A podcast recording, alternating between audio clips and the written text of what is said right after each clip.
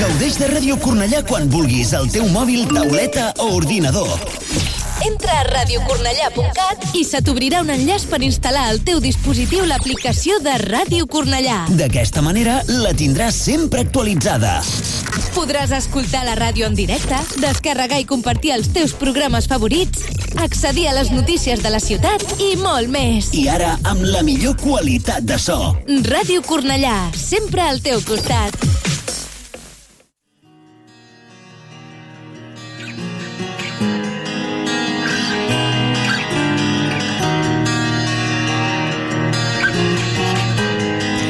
Radio Cornellá comienza el octavo día. Lo mejor del metal.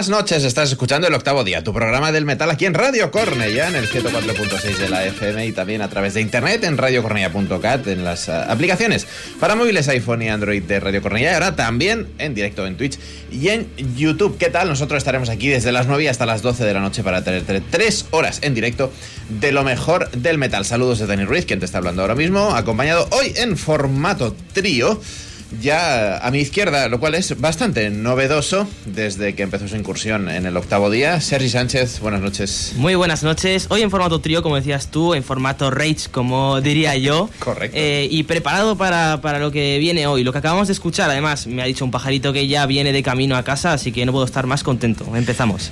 Exactamente. Tenemos en las labores de producción, como siempre, a Kiko Belinchón y hoy a los mandos de la nave no contamos con Alfonso Díaz ni contamos con Xenia Sanserric, que está en el Liceu haciendo estas cosas que hace ella. Tony López. Elitismo. Exacto. Está haciendo elitismo. Nosotros eh, aquí estamos muy buenas noches. empezando con un auténtico discazo llamado Embers of Fire de, de Eternity Sen eh, de la mano del virtuoso Christian Munster, ese guitarrista al que amamos eh, extremadamente. Demencial. Un disco que fue compuesto a medias con A Valediction, el último trabajo de Obscura, y que del cual pues eh, tanto encuentras aquí algunas ideas como en el disco Obscura encuentras algún solo que podía bien haber pertenecido a este disco. Un disco que nos encantó en su momento y que hoy he querido recuperar porque da la casualidad de que salió un 26 de noviembre, igual que hoy. Entonces estamos de, de, aniversario de este Emerson Fire. Parece que fue ayer y ya han pasado dos años. Dos años ya. Eh, desde que encargase ese pre-order con camiseta. Que la portada para llevarla en camiseta también es, es de la guapa. en fin. Eh, un disco que contiene todos los elementos de lo que un músico que se dedica básicamente al, al, al metal extremo técnico, podríamos decir, pues eh, consigue formar, consigue formular para hacer un eh, heavy power metal que bueno, que no, no tiene, no tiene, eh, no tiene tema malo. Este, ni este disco ni el anterior Angelding. Mucha gente dirá que el primero, a mí el primero me, me flojea un poco más, pero sobre todo segundo y tercer disco de Eternity Sen me parecen pues absolutamente brillantes. Ya estamos vendiendo algunas copias por lo que veo, con lo cual. Sí. Sí, sí. Empezamos la noche arriba. En cuanto lo hemos comentado, de hecho, Tony, eh, estaba contando aquí con Sergi, no, porque he dicho, este disco está en, en, mi lista de los mejores del año pasado. Y he dicho, uy, del año pasado no, del, del anterior. Sí, sí, sí. Del anterior. Esto es terrible, terrible. Es, es que eh, he detectado un problema y es que eh, coinciden muchos viernes con, de hace dos años con los domingos. Entonces, muchos domingos hay aniversarios de, de, discos que hacen dos años. Pero hoy me voy a fijar especialmente en lo que pasaba en el 26 de noviembre de 2021. Eso será más adelante, porque ahora hemos empezado con el Gen 26, pero Sergi también tiene otra propuesta, seguro que. Pues sí, hoy os traigo un poco de azufre. Es que me lo, me lo está pegando ya mi compañero. Como, no, no como es estás en el sitio de Alfonso, ¿no? Ya es que es la silla, es la silla, me estoy dando cuenta. Y es que hoy os traigo algo de, de Black flirteando con ciertos toques heavies, incluso por momentos que me sorprendió. Voy a contar un poco la historia, así para atar cabos sueltos y ahora escuchamos. Eh, me llegó un mail de promoción de Fireflash Records, eh, la banda llamada Master's Call, y yo la verdad es que no los conocía. Y leí que hacían así una especie de black mezclado con death y decidí dar una oportunidad, dar una escucha y la verdad es que lo que escuché me encantó. Así que eh, os, voy, a dejar con un single que salió hace un mes del el disco A Journey for the Damned que salió este pasado viernes. Pero ese single la verdad es que me encantó y, y, me ha hecho, fue lo que me hizo traerlos aquí al octavo día. Así que vamos a escuchar Blood on the Altar.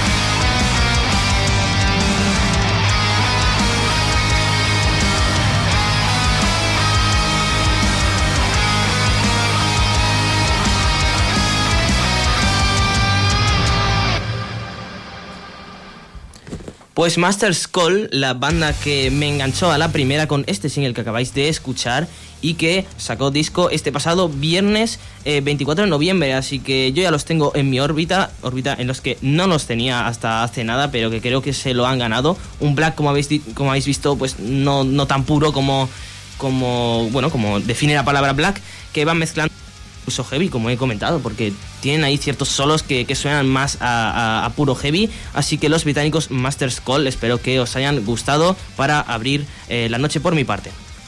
Pues la verdad que sí, porque además es, bastante accesible. Este, este, este riff. El riff es el necrophobic, siempre nos vas a encontrar ahí. sí, señor, sí, señor, la verdad que sí.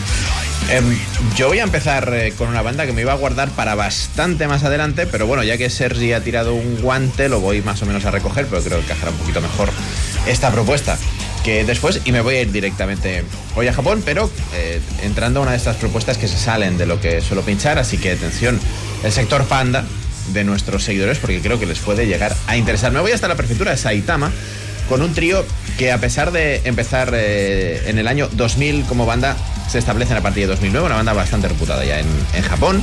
Sexto disco, acaban de editar ahora mismo Back from the Underworld. Y digo Back from the Underworld porque tienen la delicadeza de transcribir eh, todo lo que ponen en japonés para los que no leemos japonés podamos entenderlo. Aunque ellos dicen, por la identidad de las letras, hablan sobre todo de la historia, el folclore japonés y de toda la etapa más importante de bélica en Japón, que cubre unos mil años de historia aproximadamente. Ellos dicen que hacen samurai metal, pero estamos hablando de un metal extremo de muy bella factura y quiero también pedir un poquito pues, esa opinión a nuestro sector panda. Espero que les guste. La banda se llama, atención, Gotsu Totsu Kotsu, se llaman así, y el tema, eh, no lo voy a pronunciar en japonés, lo voy a pronunciar en inglés, es Die in Glory.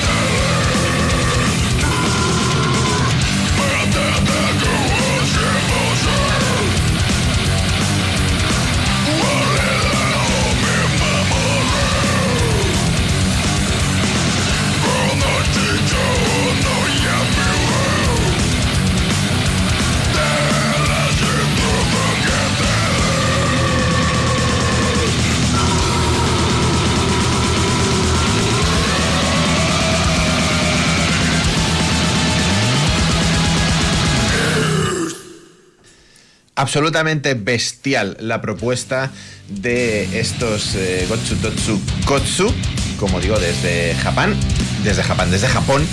Esta canción que habéis escuchado, este Dying Glory, no es de su último trabajo, porque su último trabajo se edita justo antes de Navidad. Lo estoy esperando en candaletas que decimos aquí, este Back from the Underworld, aparecerá el 20 de diciembre. Esto que habéis escuchado es de Final Stand, que es de su último trabajo editado, que es de 2018. Creo que es un death metal moderadamente accesible para la gente a la que no le gusten tanto estos, eh, estos sonidos. Tiene partes realmente muy técnicas, tiene, mm, en fin, partes que incluso lo calificaríamos como brutal death técnico incluso pero me, ha parecido apasionante cuando me los encontré, que me, explotaron en la cara. Para sentir un sonido limpísimo, cristalino y, en fin, eh, apabullante su, su propuesta, además con todo ese imaginario de Japón que a mí me gusta tanto. Vais a tener que luchar un poquito para encontrar las letras por ahí traducidas, pero se, pueden encontrar. Por cierto, nos acaba de decir nuestro técnico, eh, Kiko Belinchón, que eh, él ha encontrado una traducción de Gotsu Totsu Kotsu que es consejos para los baches. No, no sería por ahí. es el nombre de tres eh, señores de la guerra. Nos están diciendo que vamos sin frenos, es cierto. Pero vaya, quería traer esta propuesta porque me ha parecido uno de los descubrimientos del año desde Japón. Eh, una maravilla. Un apunte, un apunte porque creo, o sea, me ha, volado la cabeza una cosa particular. ¿Me puedes mirar si el cantante se llama Jan Chris? no. Es no, no. Es exactamente Jan Chris de Quiver, el, cantante de Gorfe.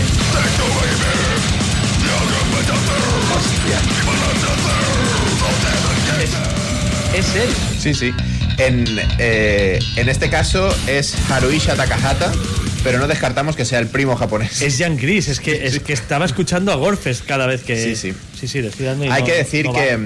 No se me oye. Eh, tiene, tiene cierto truco en la propuesta de Gotsu Totsukotsu, porque el fundador de la banda es eh, precisamente el bajista y vocalista Haruisha Takahata, que fue uno de los miembros fundadores de Defiled. Y Defiled es eh, una de las bandas más consagradas del death metal japonés. Salió de Defiled hace un tiempecito y dijo, pues ahora voy con lo mío. Y yo, yo estoy, estoy alucinando porque es, Jan Chris. A mí no me convences, a mí no me digas nombres japoneses. Este tío es Jan Chris. Se ha puesto una cara. Que se ha, se trasladado. Porque ¿dónde está? ¿Qué está haciendo ahora? No, se han visto. No, no, se les ha visto juntos nunca.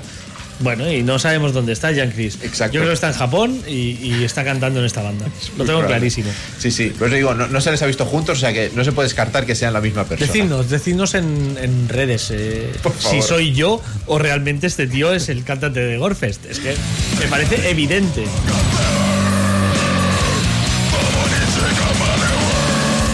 un pasote la propuesta de Gotsu Totsu Gotsu, la verdad.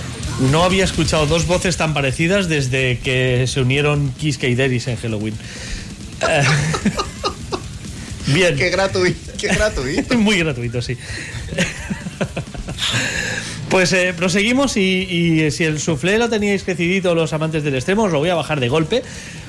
Eh, porque si habéis, si recordáis hace unos minutos que os decía que vamos, hace dos años era viernes 26 de noviembre, pues hace dos años, el viernes 26 de noviembre, también aparecía el último trabajo hasta la fecha de Rhapsody of Fire, nuestros, nuestros italianos, que editaban Glory for Salvation, disco que también cumplió hoy dos años. Disco seguramente, eh, bueno, entre es, un disco de entretiempo, digamos. Correcto. Entre obras maestras. No se puede Están ahí en un, en un valle y, es un disco correcto que apetece a los fans de la banda pero el cual no es un highlight de estos que vaya a destacar demasiado. De hecho, no hizo, creo que no hizo ninguna de nuestras listas, ¿verdad, Dani? No sé si en la tuya tampoco llegó a entrar. No, no.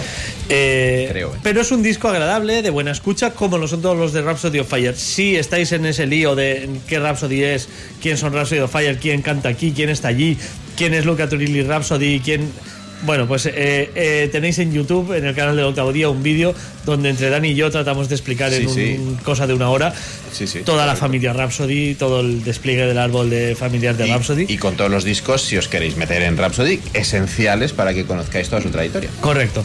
La, la rama Rhapsody of Fire de Alex Staropoli con Giacomo Boli al frente editaba hace exactamente hoy dos años este Glory for Salvation del que nos vamos a quedar el segundo corte, The Kingdom of Ice. Thank you.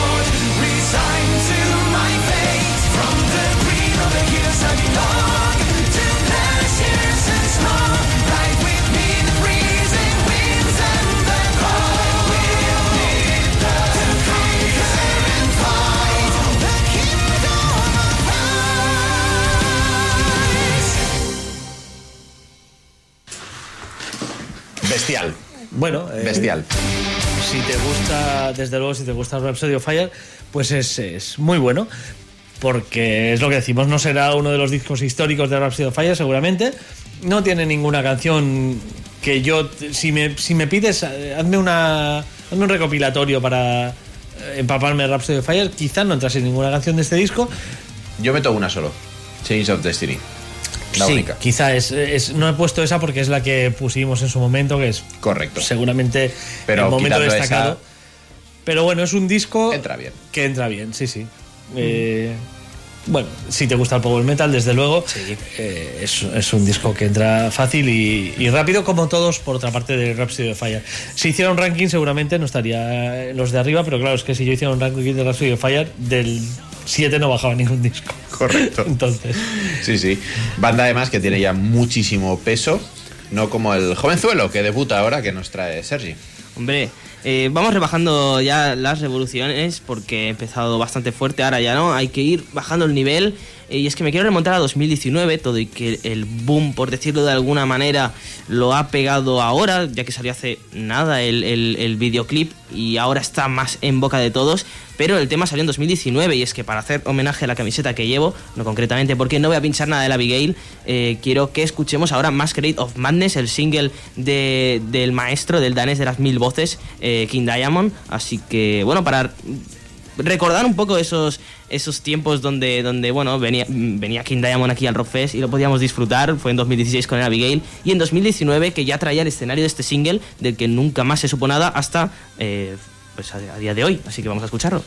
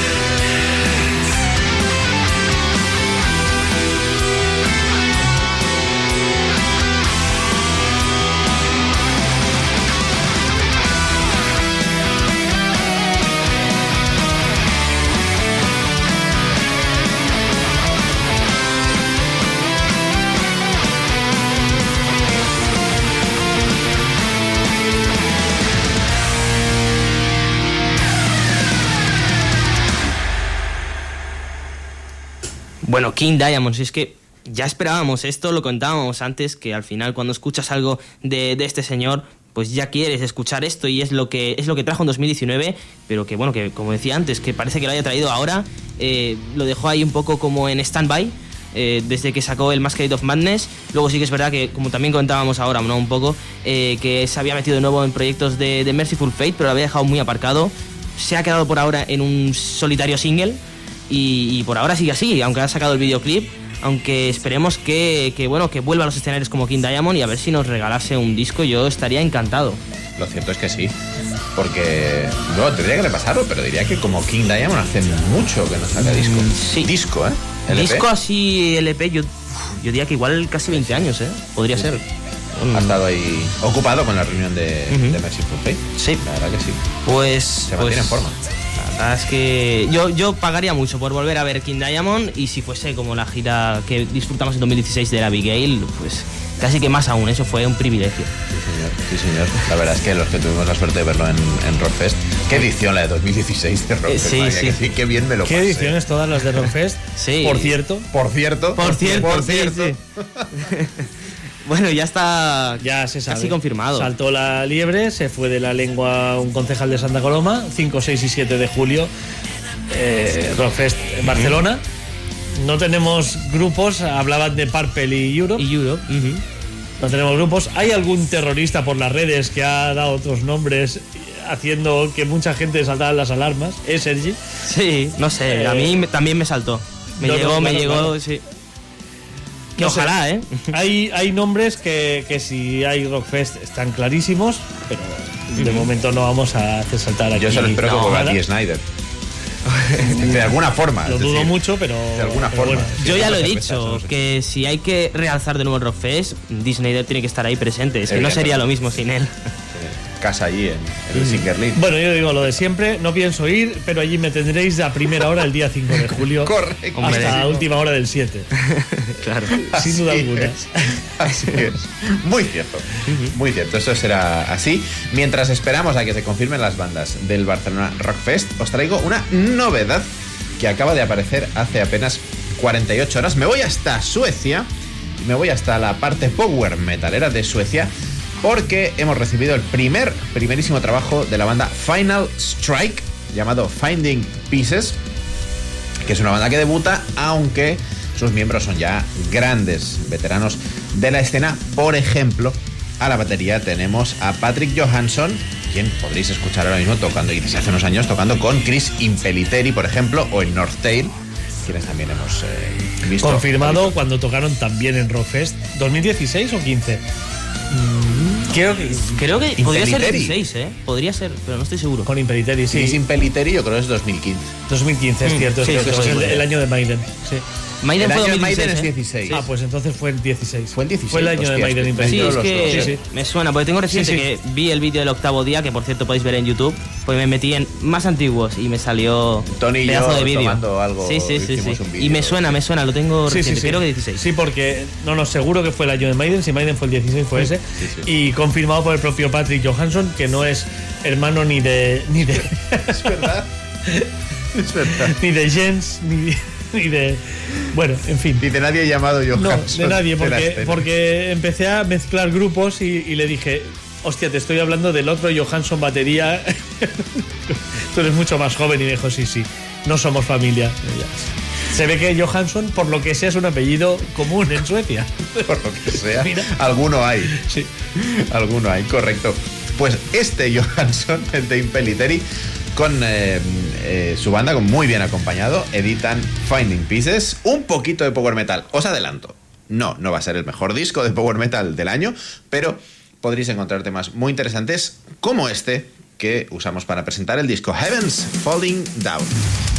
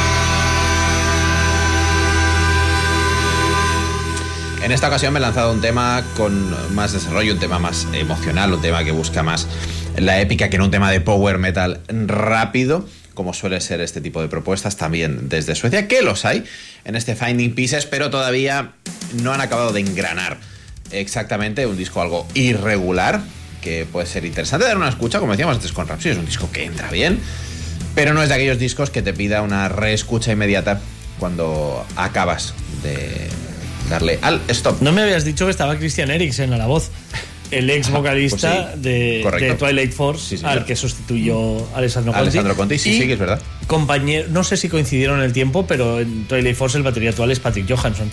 No sé si coincidieron en esa Coincidieron en North Tail, pero no en North Tail seguro, sí. Sí.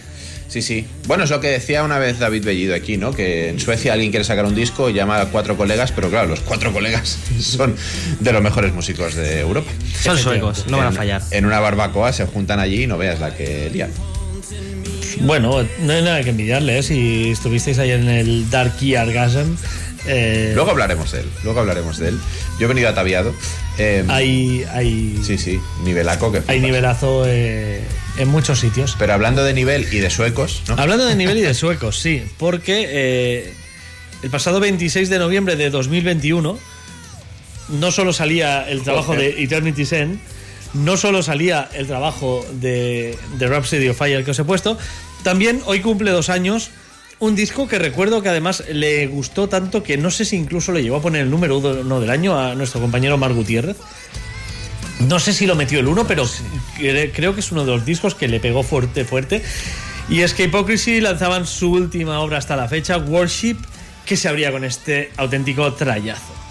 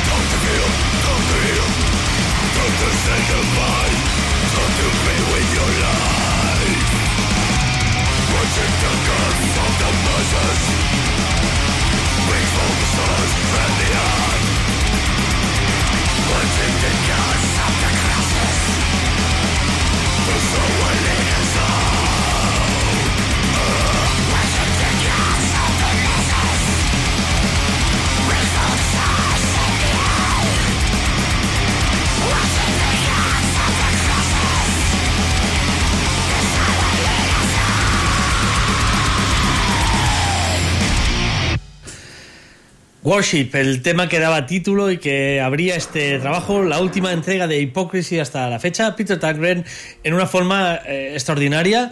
Y es una pena porque nos come la actualidad de tal manera que hay discos como este al que no le damos todo lo que habría que darle. Y es un disco que he recuperado alguna vez, no, no todo lo frecuentemente que me hubiera gustado, pero lo recuperas y ha ganado es un disco que, mejora, la siguiente vez que lo recuperas, mejora. Hoy lo he vuelto a recuperar por el segundo aniversario y me ha parecido una obra de arte. Es, tremendo eh, el disco y, es que no le podemos decir nada más a, a que se deje de Pain y perdón a, los, a los ofendiditos de Pain, pero que se deje de historias y que venga con hipócrisis, por favor. Sonando un poco mejor si puede ser que la última vez que vino con What Sí, ya puestos a pedir. Por favor, ¿no? Yo todavía creo que el último disco de hipócrisis que revisité fue aquel Virus bueno, aquel es el que revisito habitualmente. ¿Del año 2005? Claro. Oh, Dios. Claro, aquello. Qué barbaridad. Es muy, muy bestia. Qué barbaridad. Sí, sí. Empezar con Warpath es, es insuperable y acabar con Living Judah es Sí, sí. Bueno, Brutal. Let the Knife do the Talking, ¿no? Bueno, en fin, Era, era, una. Era un grandísimo disco, pero no ha dejado de sacar grandísimos discos. Exacto. Eh, bajo la marca Hypocrisy, Peter Tagren. Bajo casi ninguna marca, porque es que de hecho lo que toca este hombre lo convierte en oro. Bloodbath. ¿No? Tiene eh, por ejemplo. Puso la voz en uno en el segundo trabajo, si Nightmares Made Flesh, si mal no recuerdo. Eh, bueno, es un maldito genio. Y, este worship eh, sigue, sigue en un nivel. Sí, si me permites el comentario, Tony, ahora la banda, esta banda que me gusta tanto, japonesa Ryujin, antes conocidos como Gise, han hecho toda la gira mundial con Pain y yo pensaba, qué pena que no haya sido con hipócrisis porque me hubieran hecho muy feliz. Nos apunta Xenia, que nos vigila desde las sombras, nos apunta desde Twitch, que sonaron muy bien la última vez que vinieron en Apolo con Septic Flesh, esa me la perdí. Esa me la perdí. Gracias, pues, Xenia. Sí, sí, yo también. La verdad es que es una banda que aún me queda pendiente por, por ver, al menos en sala. nos ha jodido, Sergi. bueno, pero, me queda o no me queda. Bueno, si no, es que claro. No, no, no has dicho ninguna mentira. No, has dicho ninguna mentira. Si no te quedan por ver un porrón de bandas, o sea. Tendrías me quedan muchas, Tendrías que pasarte ya al reggaetón. Retírate. Sí, pero la verdad es que tengo ganas. Me han hablado siempre muy bien. Lo que he escuchado me ha encantado. Así que espero no perderme la próxima. Por sí, porque además es una banda que, dentro de la brutalidad, porque son mm, muy brutos. Tienen melodía y tienen algo que engancha a gente. Bueno, tengo amigos que son heavy power metaleros y tal, y que Hypocrisy les gusta bastante. Sí, Siempre, sobre todo desde la última época, ¿no? Los primeros discos quizá menos, más enraizados, son mm. metal más. Eh, más seco. Sí, seguramente. Pero bueno, a partir de. Supongo que es. Eh, no sé. Eh, llega un momento que. que Tagren no sé, le, da un pequeño giro, tampoco demasiado, porque realmente Hipocrisis suena, suena bastante como ha sonado siempre, pero guitarras más melódicas seguramente, que bueno, que te hacen, pues eso, melodías más atractivas. En todo caso, una banda que veneramos, ya lo sabéis, desde siempre. Y punto. Así es. The Eraser, es, ¿ves? No me venía Es que desde el single Eraser, ese single enganchó muchísima gente esa canción. Tiene un estribillo muy, muy, muy bueno, que te engancha. Y, y a partir de esa canción mucha gente se subió al carro de Hipocrisy y no han dejado de sacar grandes discos después de eso, entonces eh, es lógico que les veneremos de esa manera. Muy agradecidos por eso, la verdad. Em, bandas como las que nos trae Sergi, que a pesar de ser muy veteranas, tampoco dejan de sacar discos, que es algo que por cierto que estamos comentando en micro cerrado, que agradecemos mucho. Por supuesto. Que haya bandas que tienen una trayectoria de 30, 35, 40, casi 50 años y que por lo menos se sienten en el estudio, vuelvan a componer, y no tiren solo Barón Rojo de eh, lo que han hecho desde los años 80. Bueno, se agradece o no, ¿eh? Aquí podríamos abrir un pequeño debate. Sí, si estás pensando en Maiden, ya sé por dónde vas. Pero... Bueno, es que hay bandas que agradeces que sigan intentándolo y sigan sacando cosas y que sigan en buena forma. Y otras que casi mejor que, oye, si os interesa si ganáis más dinero tocando con el nombre de la banda mítica, tocad, pero no ensuciéis la discografía de grupos que, eran perfectos hasta. Mm. No, hay muchas bandas, ¿eh? por eso que, no sacan disco nuevo. hablábamos de, de, King Diamond hace un momento. Sí, sí. Años. King Diamond, eh, antes, yo creo que antes de sacar un disco que no esté a la altura del legado de King Diamond, pues girará con, lo que tiene. Muy de acuerdo. Y me parece muy bien. No, no entendería a estas alturas, por ejemplo, otras bandas que sí es muy loable que lo intenten, y hablo de una de mis bandas favoritas, como Virgin Steel, que están haciendo auténtica basura pero auténtica basura. Una banda que ha dado unos discos mitológicos. Te iba a decir David the Face. Es que, es que, es que, es que Steel están haciendo, están tirando por tierra uno de los nombres más míticos del heavy metal épico. Lo están tirando por tierra. Y me viene también, por ejemplo, Christopher Johnson con Therion, que está haciendo discos de mierda y nos los comemos porque es Therion y es Christopher Johnson. Vale, igual no de mierda, igual hay alguna cosa salvable, sobre todo en comparación con Virgin Steel, que es el caso, creo, más, más salvaje de esto. Sí, sí, e-, era una de mis preocupaciones. Tocaron este, este año en Leyendas y digo, a ver si no tiran muchas de, lo último, que estaría, estaría mejor. Pero es que lo último de Virgin Steel, recuerdo las caras de shock cuando lo estuvimos comentando aquí en el programa, porque era como, espera, espera, estamos escuchando un disco de Virgin Steel, esto no es posible. Running Wild, el último de Running Wild, ¿qué me decís? Debería ser el último, realmente. No, no, hace muchos años que debió ser el último. Sí, correcto. Es que, claro, hay bandas de estas que no, no, no han sabido adaptarse, no saben reinventarse y no saben volver a hacer lo que hacían en esos momentos. Pues, oye, ya está, ¿queremos ver a Running Wild? Sí, pero queremos ver por Royal y queremos ver eh, Blazon Stone. No hmm. queremos que nos grabes un disco que diga. Eh, no me acuerdo cómo era aquella canción que hablaba de chicas y hot girls o no, sé cómo era. Que, o sea, horrible.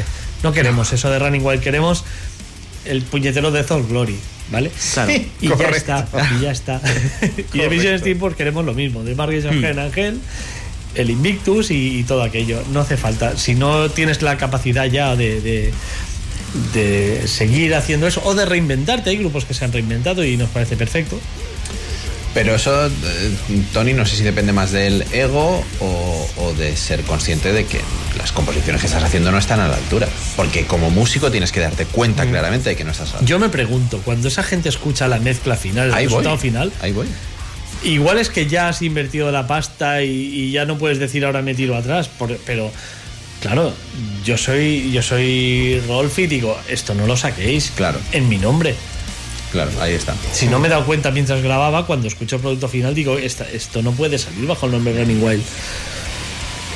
Pero esos son productos que al final eh, los miembros de la banda dicen que ok, el productor dice que ok, la discográfica dice que ok, es decir, pasan muchos filtros. Bueno, la discográfica si pone la pasta dirá, pues hay que sacarlo. Bueno, la discográfica mm. dirá, pero estoy seguro que voy a vender más discos con la etiqueta Running Wild arriba que de este grupo nuevo que nadie conoce que han hecho un discazo tremendo. Sí, eso sí, el nombre tira, siempre. Correcto.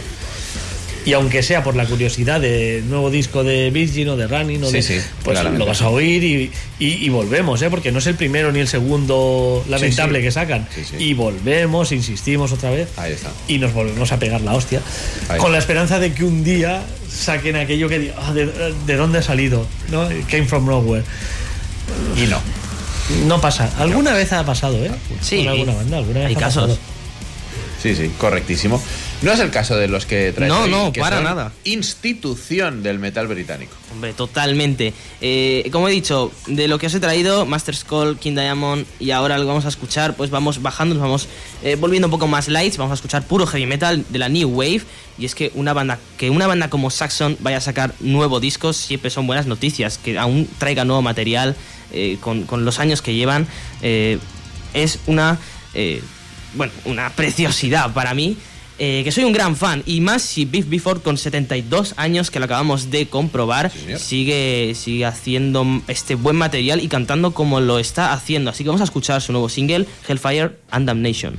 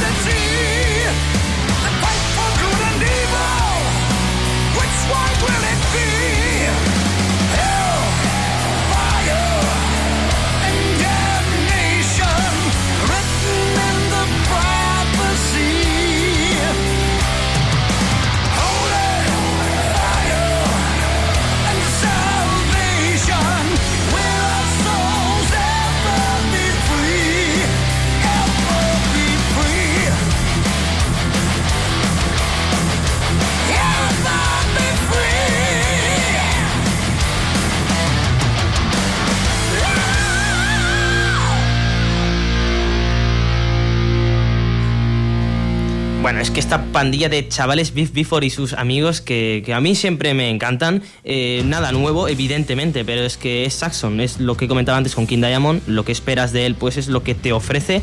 Con Saxon eh, pasa lo mismo y, me encanta que además es que no paran, o sea, lo estaba revisando ahora ya por, por confirmar, pero es que sí, efectivamente era como lo recordaba, en 2022 sacaron Carpe Diem, en 2023 ¿para qué tomarse un año de, de descanso o de festivales? Eh, sacaron un disco, aunque de covers, el More Inspirations, la, la parte 2 de Inspirations, y ahora el 19 de enero del año que viene, que tendremos ya este Hellfire and Damnation. Así que, bueno, un rodillo, Saxon. No, no, muy bien. Y lo primero, por cierto, es verdad, lo primero con Brian Tadler, el, el nuevo guitarra de Saxon, el componente también de Diamond Head, que está sustituyendo a Paul King, o bueno, a Paul Quinn, perdonadme si no lo he pronunciado bien.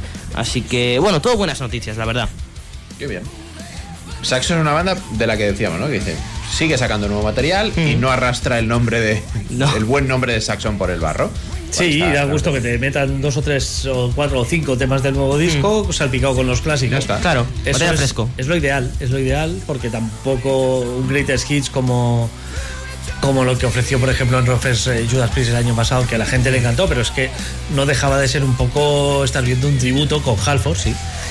Eh, pero con Ian Hill, vale, sí, correcto, pero al final era un grandes éxitos con con alguno de con- bueno, no vamos a volver a incidir en las grabaciones de Judas en directo porque ya hemos hablado mucho. Pero está muy bien, está muy bien. El balance de Saxon, creo que, en, eh, o sea, si para mí a nivel discográfico Maiden me gusta mucho más que ninguna otra banda de los 80 de la New Wave. Y a partir de los 90 en adelante me gusta más Judas discográficamente. Pero eh, en el conjunto de la carrera, creo que Saxon no tiene mucho que envidiar porque para mí discográficamente Maiden ha bajado muchísimo el nivel. O sea, si hablamos de los Maiden de los ocho primeros discos, siete primeros discos, estamos hablando de un 10. Si hablamos de, de varios discos de Judas, hablamos también de un 10. Pero Saxon igual han estado en el 8 y el 9 muchos años Sí, y correcto. siguen sin bajarse del notable en ninguno de los discos. Y creo que en el conjunto, si hacemos una media de todas las carreras, quizás Judas puedan estar por encima porque además han- son 50 años ya a sus espaldas haciendo, haciendo discos y muy buenos discos. Pero Saxon creo que es que no le tiene nada que envidiar, ¿eh? No están tan lejos. No, no, ni, Absolutamente. ni- ni de. Vamos. Yo los he podido ver solo una vez en el Olympic de Badalona, en una noche con Saxon, Motorhead y Judas Priest, de la cual salí enormemente satisfecho, como podréis eh, entender, que no sé si fue 2011, 2012, 2013. Alguien me lo apuntó hace un par de semanas en, en nuestro grupo de Telegram. Fue fantástico. Y como decía, con Saxon salí encantadísimo. Sobre todo teniendo en cuenta que el, el- el nivel de la banda que presentó en directo, que tocaron a una velocidad envidiable y con Y- un Big Before, vamos, pletórico. Una curiosidad, porque eh, yo sigo haciendo asociaciones, asociaciones mentales según vamos hablando y acabo de hablar de, de que puede- Judas puede parecer un tributo y mi mente se ha ido a tributos, bandas clásicas con tributos. ¿Conocéis algún tributo a Saxon? Pues no. Lo habrá en Gran Bretaña, Uno. seguro. ¿Sí? Uno, sí. ¿Ves? Es que yo no conozco ningún tributo. He pensado, hostia, tributo a Saxon. Sí, sí, no sí, me sí. suena nada. No, no, muy raro, eh, muy curioso. Sí. Creo que se llaman Crusaders, ahora lo, lo tiro Claro, de pues, memoria. hombre, sí, lógico. tiene sentido. Y, sí, sí. y además vi su primer concierto, se estrenaban. Y no, Wow. no los he vuelto a ver por ahora. Es ¿Pero que son de aquí? Eh, pues los vi en Tarragona, no recuerdo de dónde. era. Crusader Saxon Tribute Band, de Barcelona. fantástico. Ah, pues mira, pues mira. Qué no lo sabía. Eh, no es que nos interese una banda de tributo y menos de una banda que está en activo y con tan buen resultado, pero, pero me parece curioso que de Maiden hay un montón de Muchísimas. ACDC, hay un montón de Judas Priest, hay las que quieras, están las del Big Four que hacen ahora los, las grandes del thrash. Y Saxon, que es una banda bastante grande, no es habitual, o por lo menos no tenía yo No, no. la, la noción de Te voy- que... Bueno, no, acaba, acaba. Sí, no, no. eh, Te iba a decir otra que al menos a mí me ha venido un par de veces a la cabeza, que es Twisted Sister. No, me parece que podría tener muchos más tributos, aunque debe ser difícil de, Sí. de rendir homenaje a esta gente. Pero, pero bueno, ya que hay de tantas bandas y tantos, creo que Saxon y Twisted Sister podrían tener un par más. Desde luego que sí. Quizá porque eh, tanto Saxon como Twisted Sister han sido bandas que, que han sido de las favoritas de mucha gente, pero no las favoritas de nadie. O sea, de nadie. Siempre hay gente que te va a decir, Sí, claro. siempre hay uno que Twisted Sister es la banda de su vida y siempre hay uno que, que te va a decir que Saxon es la banda de su vida. Pero encontrar a cinco personas que quieran dedicarse a tocar exclusivamente temas de esas bandas. Sí. Supongo que es más difícil que con Maiden, que eso sí que es la banda de la vida de muchísima gente. Es, eh, es una curiosidad esto de. Vamos a reivindicar tributos de bandas no tan grandes. Sí, sí, sí, podríamos empezar una lista. Al final se puede hacer tributo de cualquier cosa. Eh, Si existen los free theater, Claro. eh, se puede replicar cualquier cosa. Si alguien es capaz de tocar el solo de Lotominia de Petrucci, cualquiera puede tocar cualquier otra cosa que se haya tocado antes. Y un día tendríamos que sentarnos a, a redefinir el significado de tributo. Porque si estáis tocando temas de una banda en activo, no estáis haciendo un tributo. No. Da igual, no nos vamos a meter en eso. No, no, no vamos a decir que estáis robando, que es, es- será lícito y supongo que pagaréis a los Los derechos, a la banda, sí, los royalties, sí. autores y demás. Sí, ni aprovecharse el Bueno, pero, persona, pero da igual, da igual. ¿qué es banda tributo? No, porque por ejemplo, ayer en, en Barcelona tocó la banda tributo a Accept, donde por cierto eh, saludamos a José que estuvo aquí presentando el trabajo de, de, de su banda, de eh, bueno, de Lira Mortem en su, en su día. Cierto. Eh, no, pero no nos vino a presentar el Lira ¿Por Mortem. Tallo o por Blue Text? No, no, no. Es, Tallo y Blue Tax estaban Son los que a la tocaron banda de ayer, exactamente. Y claro, eh, dices, vale, es una banda de tributo a Acep que Acep están en activo. Pero es que prácticamente tienen los mismos miembros originales de Acep, los Acep en activos y, la, y la banda tributo. Que creo que hay uno de diferencia, que es. Wolf Hoffman. Entonces dices, ¿quién es más tributo? ¿Acep o la banda de tributo a Acep? Porque casi, casi lo menos tributo que hay ahora es Udo, que lleva a Peter Valtes con él. Claro, Entonces, claro.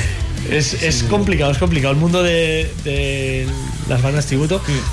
Eh, no podemos hablar porque nosotros no estuvimos nadie, ¿no? Ayer en el concierto de Blue Tax con Tallo y, y Kaizu, pero sí que nos han comentado nuestro amigo Enrique por el, por el chat de Telegram del grupo que pasó una cosa que no por, por, por esperable es no triste, ¿no? Porque todo el mundo tiene derecho y, y es evidente que te conoces los temas de ACEP y no los de Tallo ni los de Blue Tax.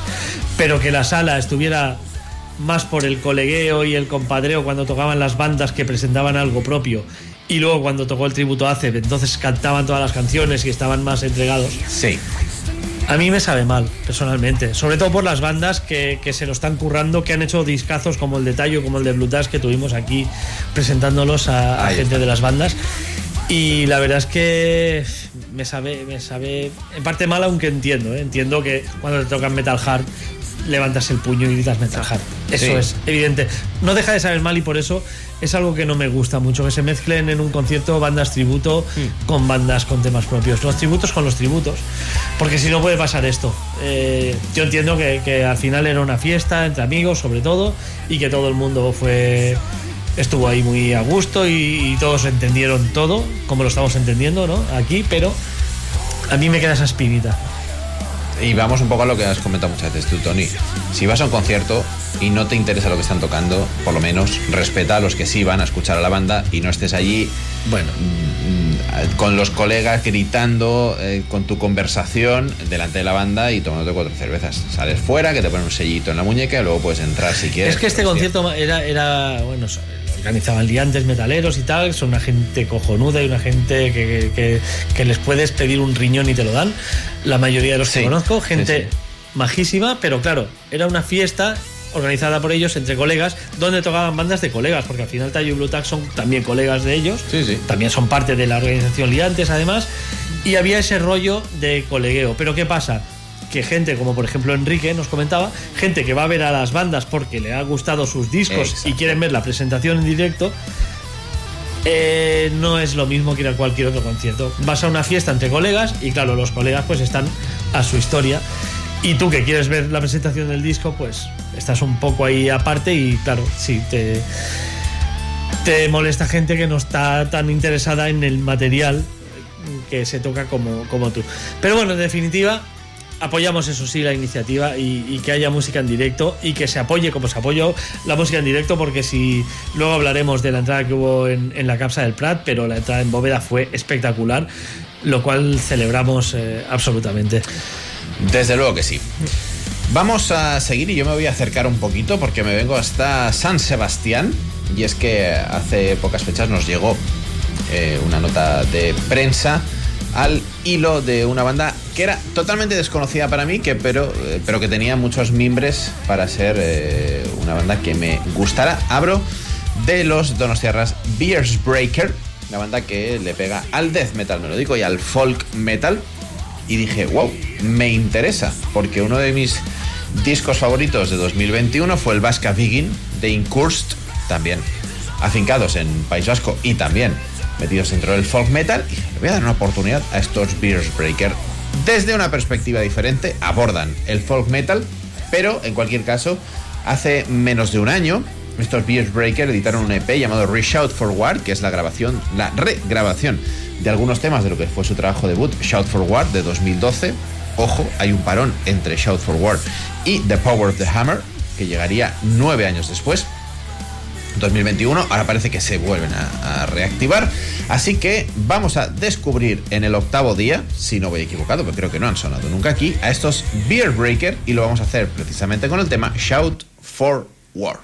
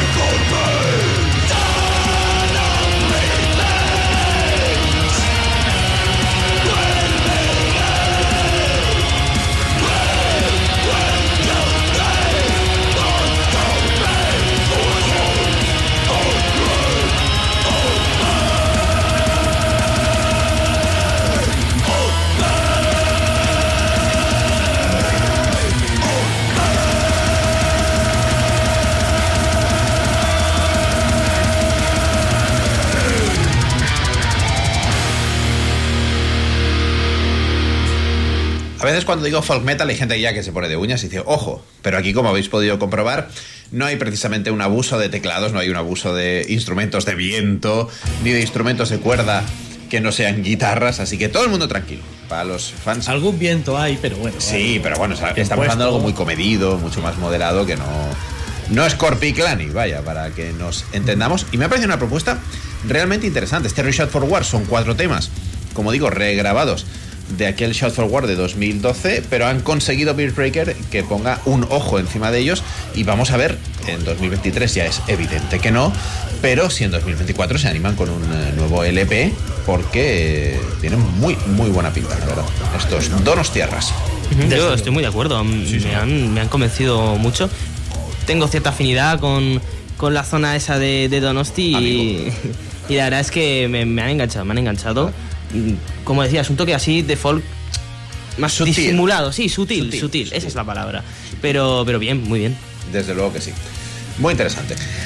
Muy interesante. Yo voy a comenzar un repaso que remataremos dentro de una media hora o así cuando eh, se sucedan las, las eh, tres bandas que voy a pinchar a continuación, que son bandas que tocaron ayer en el eh, Dark Yergasem Fest en la Capsa del Prat. Y son bandas eh, que tienen un nivel y una calidad que no tienen nada que envidiar a, muchas de las que puedas escuchar internacionales.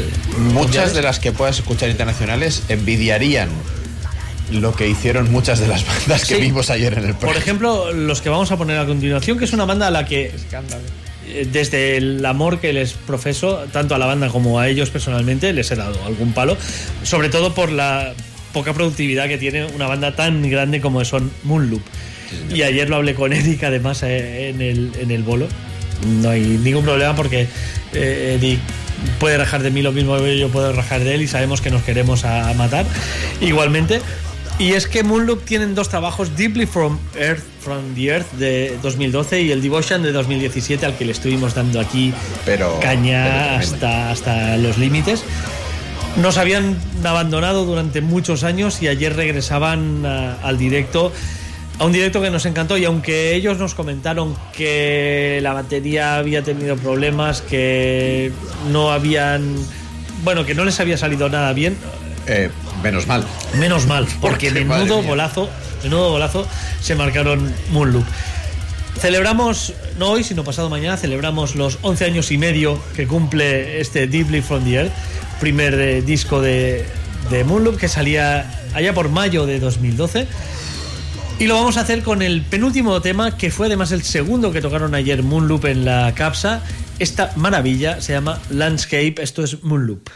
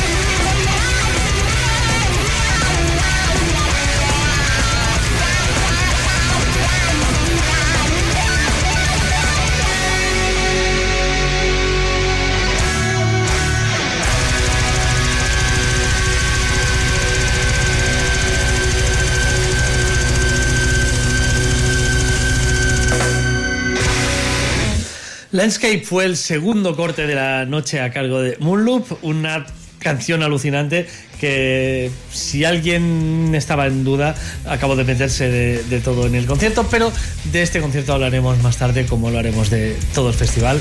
Eh, ahora seguimos. Correctísimo. Sergi, nos sigues viajando en el tiempo. Sí, totalmente, totalmente. Hemos empezado con, con novedades, eh, dos de ellas de, dos absolutos... Bandas clásicas, bandas míticas como son King Diamond y Saxon. Y ahora me quiero remontar al año 1970, cuando se formó la banda Sweet. Todo y que el tema que vais a escuchar es del 74, tampoco. Ah, bueno. Bueno. Cuando ni siquiera existía heavy metal, prácticamente. Y es que es increíble porque yo primero escuché esta canción eh, de la mano de Hidden, que hicieron la cover de, esta canción, Set Me Free, y después me tiré más atrás en el tiempo y escuché Set Me Free de Sweet, y me pareció increíble porque es muy, muy, muy similar a la, versión de Hidden, pese a tener los años que tiene, un sonido, bueno, un sonido setentero, pero bastante veloz y bastante casi heavy, sí, sí, heavy, sí, heavy acelerado eh, que bueno, para ser el año 74 me fascinó, así que quería recuperar esta joya, la versión de, bueno, la versión no, la original, Sweet, Set Me Free.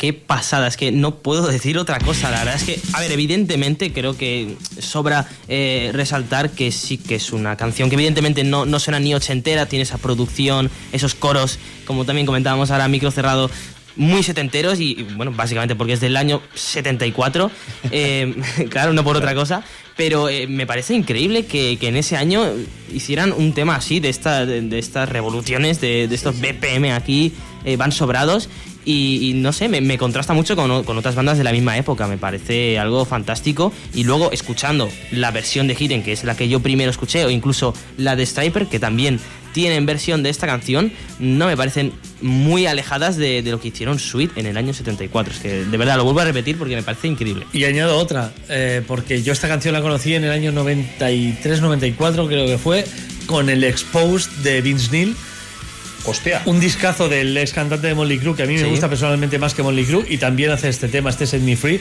y me pasó lo mismo que a ti, pero 30 años antes. Pensé, hostia, esta canción, eh, y me fui a buscar la de Sweet y flipé que en el 74 se grabara algo, algo así. Yo he tenido un cortocircuito cuando me ha dicho Seri, no voy a poner Sweet Set Me Free, digo Sweet Set Me Free, la de Striper. Porque claro. Es que la de Striper es muy cachonda porque es de Sweet también. Claro, Michael, Sweet. Por eso le he dicho Michael Sweet. Y me ha dicho, no, no, es la banda Sweet. Y yo la conocí en 2011 con el The Covering, que empieza con Set Me Free. Y si me permites, Tony, para chequear un momentito la diferencia de sonido entre lo que planteaban Sweet en el 74 y Striper en 2011, pues la de Striper sonaba así.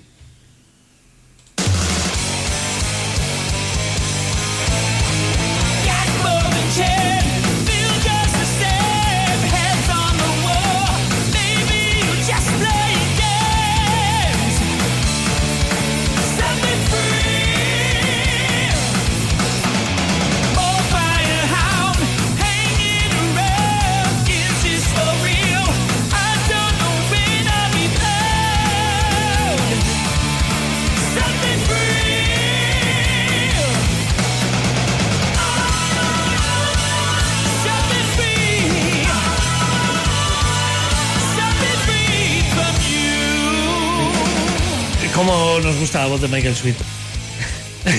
De hecho, me estaba comentando Sergi acerca del último disco de Striper con aquel transgresor y tal. pero eso no lo hará en directo. Y yo he dicho, creo que Tony me dijo que sí, porque yo no lo sé. No solo lo hace en directo, sino que ese sonido de guitarras no lo he escuchado ninguna banda de heavy. Es la guitarra más heavy que he oído nunca, la de Sweet.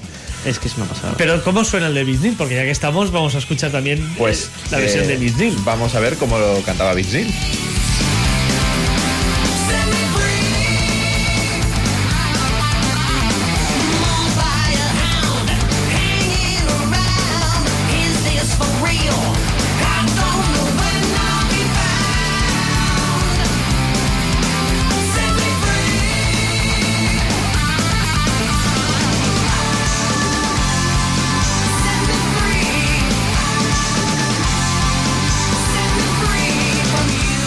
Un disco eh, que personalmente me encanta. Yo no soy nada de Molly Crew, no me gusta nada. Y este disco de Bisnin me encanta. Eso sí, si lo queréis original, no lo busquéis a no ser que tengáis mucho dinero y os sobre y no os importe gastarlo en un disco. Para gastarlo. Eh, no. Eh, es verdad lo que, lo que acabas de decir, Sergi. Que sí, sí, sí. Temazo, porque además cada uno hemos traído una propuesta distinta del mismo tema. O sea que honores a los de Sweet a los miembros de Sweet por haber hecho un tema tan, tan fantástico. Es que para mí fue una tremenda lástima cuando al final no pudieron actuar en la edición del 2022 aplazada de, Leyendas. Me hubiese encantado verlos y más sabiendo esto. Quiero aclarar que, la versión de la que tú hablas es la de Heathen. La de Heathen, sí. Sí, sí, es que Heathen, es, que Heathen, ya. Claro, es que se confunde el nombre. No los Heathen murcianos que acaban de sacar disco esta misma semana. Por cierto. Muy buen disco. Y que tendremos aquí tocando el 12 de abril en la sala bóveda junto aún no se puede decir porque sale mañana el anuncio Reshark. No esos Hitten, eh, sino los Hitten, la, banda de thrash metal americana. Correcto. Bandaza, por cierto. Otra banda que está en una forma extraordinaria, sí, señor. Pues nada, vamos a seguir cuando faltan 10 minutitos para las. Pero los Hitten de aquí también podrían hacer una versión de este Absolutamente. porque les pegaría fantásticamente este tema. es que de hecho les pega más a los Hitten de aquí que no a los Hitten aquí. Sí, sí, sí, Hacemos un llamamiento a Hitten, por favor, eh, escuchaos este tema y darle una sí, vuelta. que ya nos pete el cerebro de, Michael Sweet haciendo una versión de Sweet y Hitten haciendo la misma versión que Hitten. O sea, Stop. Lo quiero ver, lo quiero ver. Quiero que alguien, por favor, extraiga el clip de Twitch que se lo envío ahora mismo, en cuanto, en cuanto salga a las 11. Especial octavo día. Set me free. Sí, sí, por favor. Mientras eh, llamamos a los Hitten para que le den una vueltecita, me voy a otra novedad de hace muy, muy poquito. En este caso, me voy a ir hasta Southampton, porque si algo hay en Southampton es. ¿Un equipo de segunda división? Fútbol aparte. Ah, vale, sí, perdón. Fútbol aparte. Exactamente. Sí, sí, estoy yo para hablar de segunda división. Sí, correcto. Tira, tira. En el Southampton jugaba el Letizier, que es uno de los mejores jugadores británicos de la historia. Y luego lo entrenó Pochettino, que son los mejores entrenadores británicos de la historia, sorprendentemente. Argenti sorprendentemente argentino también. Sí, sí. Por suerte entre Argentina y Gran Bretaña nunca ha habido problemas. No, a nivel histórico. Esa es la suerte. Eh, en Southampton también hay gente muy dura y estos Battleborn ya nos dejan desde el nombre de la banda clarísimo qué es la propuesta, cuál es la propuesta que nos traen. Su álbum debut se llama Blood, Fire, Magic and Steel. ¿Qué puede fallar? ¿Qué puede fallar aquí? Pues como vais a comprobar ahora mismo, no puede fallar nada y menos con un tema llamado Wind Color.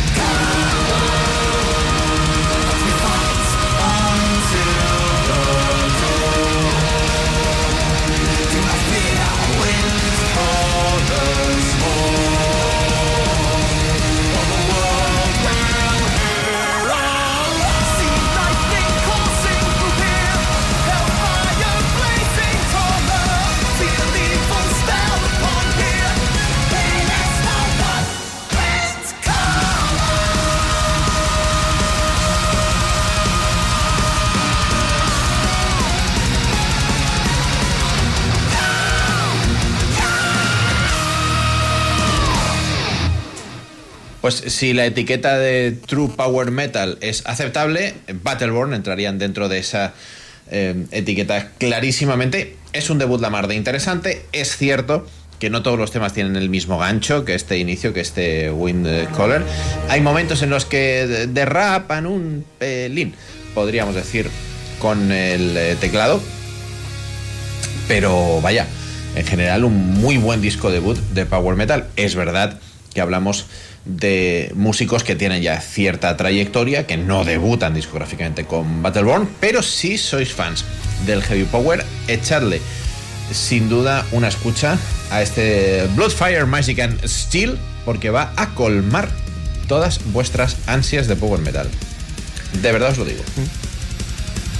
Tiene pinta, tiene pinta. Pero eh, para colmar ansias de Power Metal y para, y para que le suba el sueldo, eh, creo que Sergi se va a despedir hoy por todo lo alto y tocándome la fibra. pues sí, creo que sí, creo que sí. Eh, no, y es que es verdad, se acercan ya las 11 y, bueno, había que despedirse por todo lo alto, así que me he guardado otro tema aquí del baúl de los recuerdos. Em, y es que hace poco pues sonó Angra mm, del 2010 con Edu Falassi y hace no hace menos aún eh, volvió a sonar Angra, lo último eh, del, del, por supuesto de Cycles of Pain, aunque también eh, bueno, fue, una sesión doble ahí, tuvimos dos temas, así que para no perder un poco esa costumbre que se está quedando. Aprovecho Cycles of Pain para deciros que esta semana podréis ver ya el vídeo de lo mejor del mes. Aprovecho para pediros que enviéis ya el vídeo a Xenia. Ah, sí, sí. Yo lo tengo que hacer aún. Pero ya, y que me enviéis a mí los temas para hacer el top 10 del podcast, por favor. Donde sí estará en Gran con Cycles of Pain, por supuesto. Por supuesto. Sí, sí, ese, ese, ya está puesto. Y ahora que me lo has recordado, es que es verdad, lo, te lo, tengo que reafirmar, es que es un discazo. Ahora que he tenido oportunidad de escucharlo más veces, es, espectacular. Por cierto, los veremos en marzo. Los veremos en marzo. Vaya cartel, vaya cartel. Arwen y Ópera Magna. Ya está. sobredosis de Power Espectacular. Me compré las entradas dos días antes de que salieran a la venta. Mañana, mañana mismo. Pues mañana ya las tengo. Mañana mismo compraré mis cuatro entradas.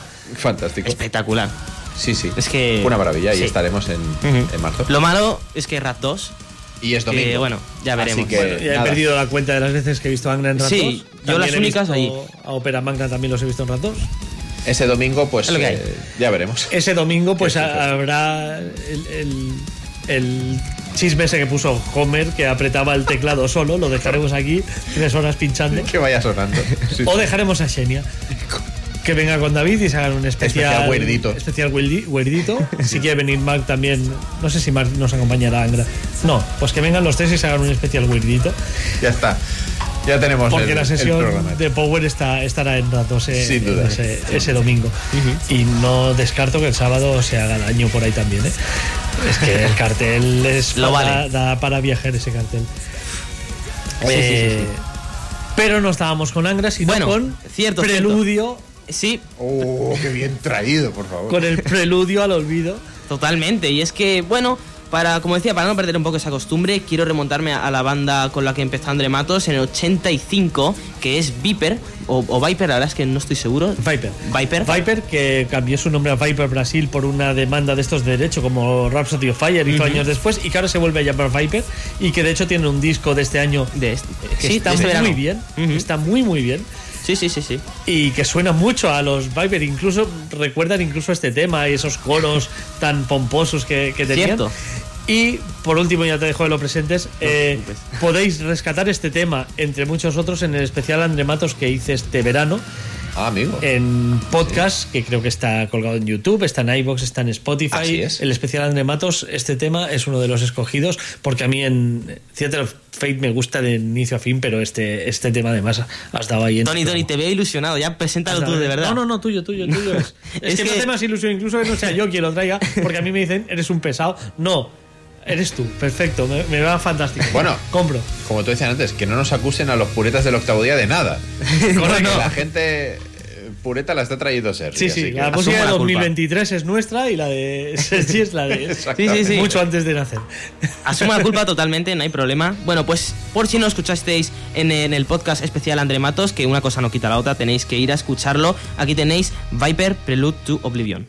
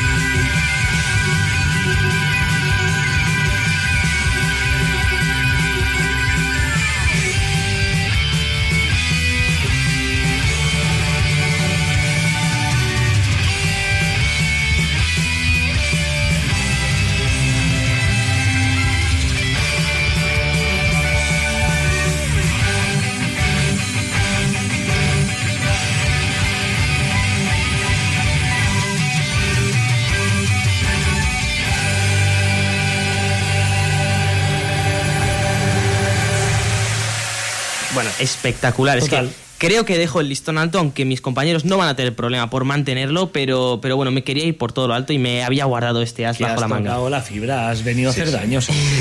Correcto. Sí, sí, eh, ya venía concienciado, pero no pasa nada. Eh, quería aprovechar también para añadir todo y que es Viper, no estamos hablando de Angra, pero bueno, lo podríamos relacionar que eh, he tenido la suerte y para mí el absoluto honor, porque soy un un fan, vamos, desde que, bueno, desde que empecé a escuchar esta música de Angra y tuve la suerte de esta semana poder entrevistar a Rafael Bitancourt, hablar de, del Cycles of Pain, por supuesto, de las fechas, de, lo que vamos a encontrar aquí eh, en España cuando vengan eh, en marzo, como ya hemos comentado antes. Y bueno, os quería eh, adelantar un poco porque entiendo que muchos de vosotros tendréis esa curiosidad de que me vi un poco en la obligación de, de, preguntarle por Kiko Loureiro. Se ha ido de Megadeth y bueno, ya todos nos hacíamos la idea de que, de que molaría que volviese Angra, al menos molaría. Y le pregunté, bueno, me, dijo él que no lo ve, así como Rafael Bittencourt y como Angra no lo ven, no creen que pueda pasar, pero que las puertas están abiertas, por supuesto, para este hombre, que tiene muy buena relación y que, a ver, pues eso, las puertas están abiertas, no me dijo mucho más. De momento sí que ya parece que están planteando y que, y que no descartan para nada el que pueda venir con la banda a hacer algunos shows especiales, quizás en algún festival así grande o en alguna fecha señalada en Brasil. Así que bueno, para empezar ya está bastante bien, yo con eso ya me quedo ilusionado para lo que pueda pasar. Yo es que lo que veo es que como... Eh, el tema es que si volviese Kiko y tuvieras que quitar un guitarra, igual el peor de los tres es Bittencourt. Siendo, siendo, como es muy bueno y siendo el, mejor compositor de Angra de, largo, pero como técnicamente Marcelo Barbosa es una bestia, como, puedes escuchar en Circus of Pain. Y tres guitarras. Tres guitarras. Tres guitarras. Incluso hay otra posibilidad que es eh, dos guitarras y medio, porque uno de los guitarras, que es Rafael, que también últimamente canta mucho, se ponga el micro y la platada sea Lione, da Kiko y se va a Lione. Y el, lo que pasa que es verdad que Rafael tiene muy buena voz y asume mucha. Hmm. De hecho, tiene el disco en solitario, que el, aquel Worms parte 1, que nunca ha tenido parte 2. Correcto. Y que estoy esperando porque me encantó aquel disco y ahí canta. Lo que pasa que, claro, no tiene los agudos que requieren mucho de los temas de Angra. Pero bueno, más agudos requieren temas de Ingui Mastin y los canta el, propio Ingui y, no pasa nada, ¿me entiendes? Así es. Eh, no sabemos por dónde, por dónde llegaremos, pero sí que os emplazamos al canal de Iron. Es prevista la fecha de publicación de la Fecha exacta no, pero bueno, os tengo que decir que mínimo, mínimo, hasta el 30 no, no podré tenerla. Básicamente porque estoy a la espera de que me envíen nuevo material. Y es que va a haber otro videoclip de Angra, no sé si lo han publicado.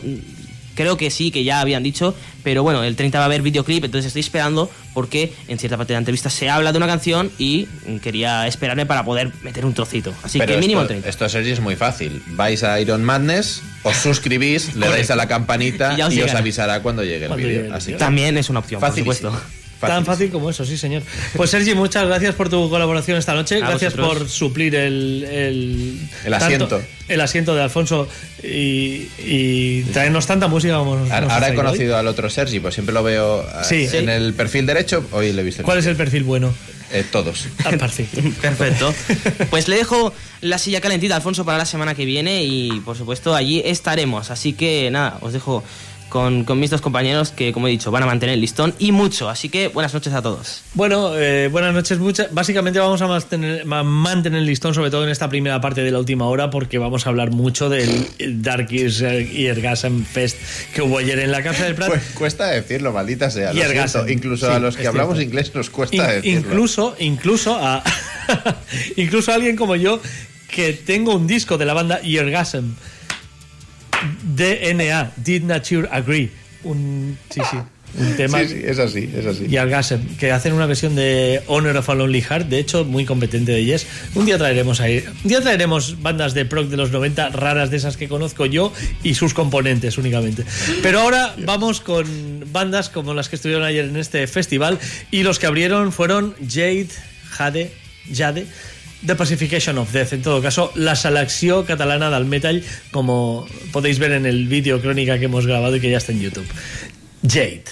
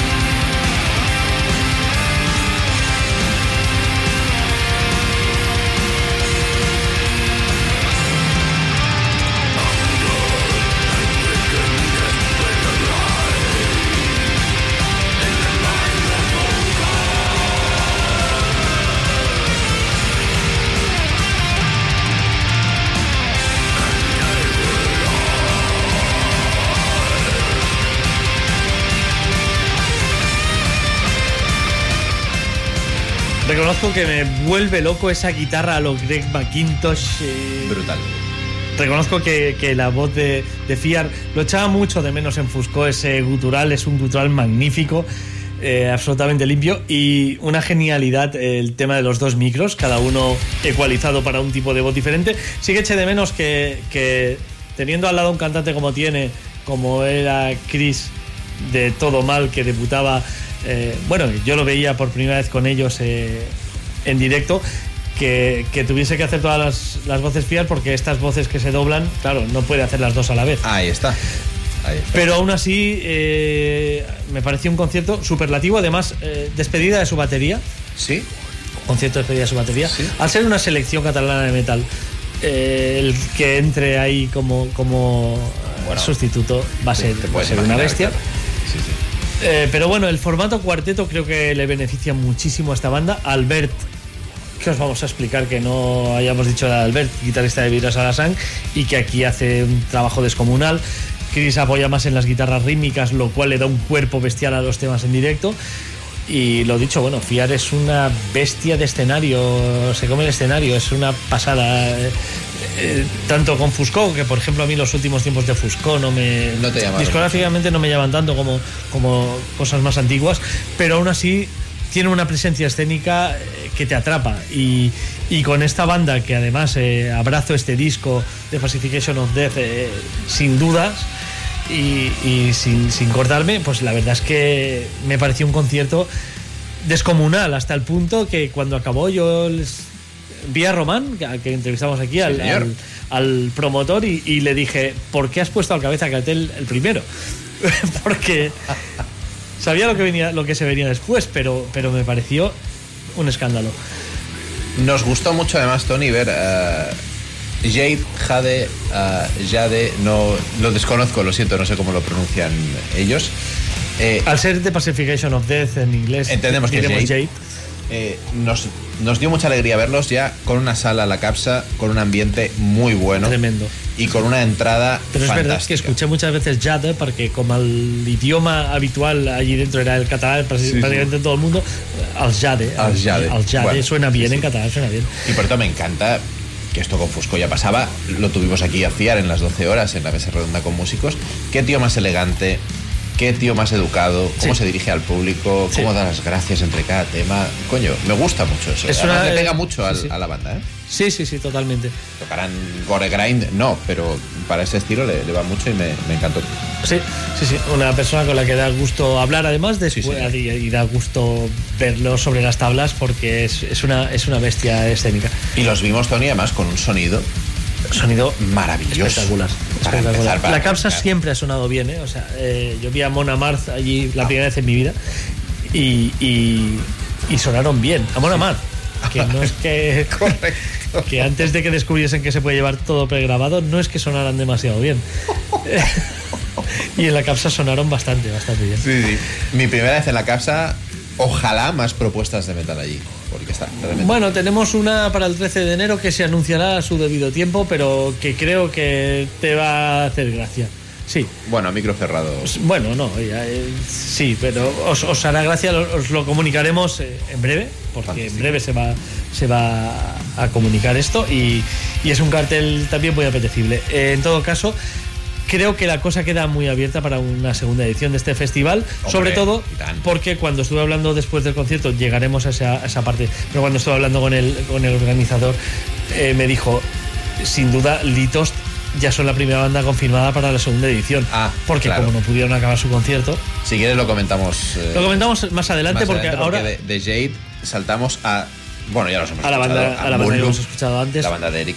Que, que, nos dejó a todos Tony patas arriba. Es que es, es que es inconmensurable lo que plantea. Es una banda que amo profundamente, que, que, con dos discos solamente han demostrado un nivel y además un estilo que no es no es una zona del mundo esta donde se proponga mucho ese estilo. Y es que este metal técnico, este metal extremo técnico, progresivo, eh, no es algo que se toque muy aquí. Eh, le decía, eh, no sé si se lo comenté a Eric o a Raúl, si fueseis de Denver estaríais viviendo de esto y bien. Si lo que fueseis- decimos siempre es que es sí, así. Si es fueseis de- del norte de Europa, seguramente también. Pero no, son de, son de Varna y, y en Varna, pues no es un estilo que te permita vivir de ello. Y por eso eh, hemos tenido lagunas eh, a nivel de, de años eh, sin disfrutar de ellos en directo, pero es una experiencia. Si podéis ver a Moonloop, eh, Sí. es una experiencia verlos. Los dos nuevos fichajes, tanto Marc como Nacho, Jóvenes. Muy jóvenes, Muy jóvenes. Y, y un espectáculo. Un espectáculo, la, verdad, una Un- técnica brutal. Además, un Mark usando una técnica con el bajo que no es muy frecuente, No, no, eh, incluso en bandas del estilo. ¿eh? O sea, Sí, sí, me- un bajo de, seis cuerdas, cuerdas, y, bueno, tremendo, tremendo. Al- alucinante. Y por cierto, esto que te comentó Eric, de que, bueno, había tenido problemas, había acabado de tal. Sí, sí, no, Pues- pero es que luego Raúl también me comentó que es que la batería, no sé qué. Bueno, le dije, es primero es que eres un bruto porque has movido. O sea, es, el bombo estaba fijado. Salió el técnico, exactamente. Sí, de hecho, eh, compartían el backline, era compartido. Sí, y la batería había elementos como el bombo, caja, algún timbal que eran los que eran. Y luego, entre banda y banda, cambiaban platos, Sí, sí. alguna caja, alguna cosa. Pero el bombo era compartido. Y el bombo, Raúl le pegó tan duro que lo movió y ya durante todo el concierto tenía que salir el técnico, a fijarlo porque a se- ya no, no, no había manera Así de fijar es. al suelo ese bombo. Pero bueno, fue, fue tremendísimo lo Descomunal. que... Eh, presentaron un tema nuevo, Awaken, que ya han hecho con la nueva formación, Señor. de un disco que esperamos para 2024. En algún momento nos eh, aporré. Va. Y como digo, muy recomendado que vayáis a, a verlos si tocan en alguna zona donde, donde os quede a mano.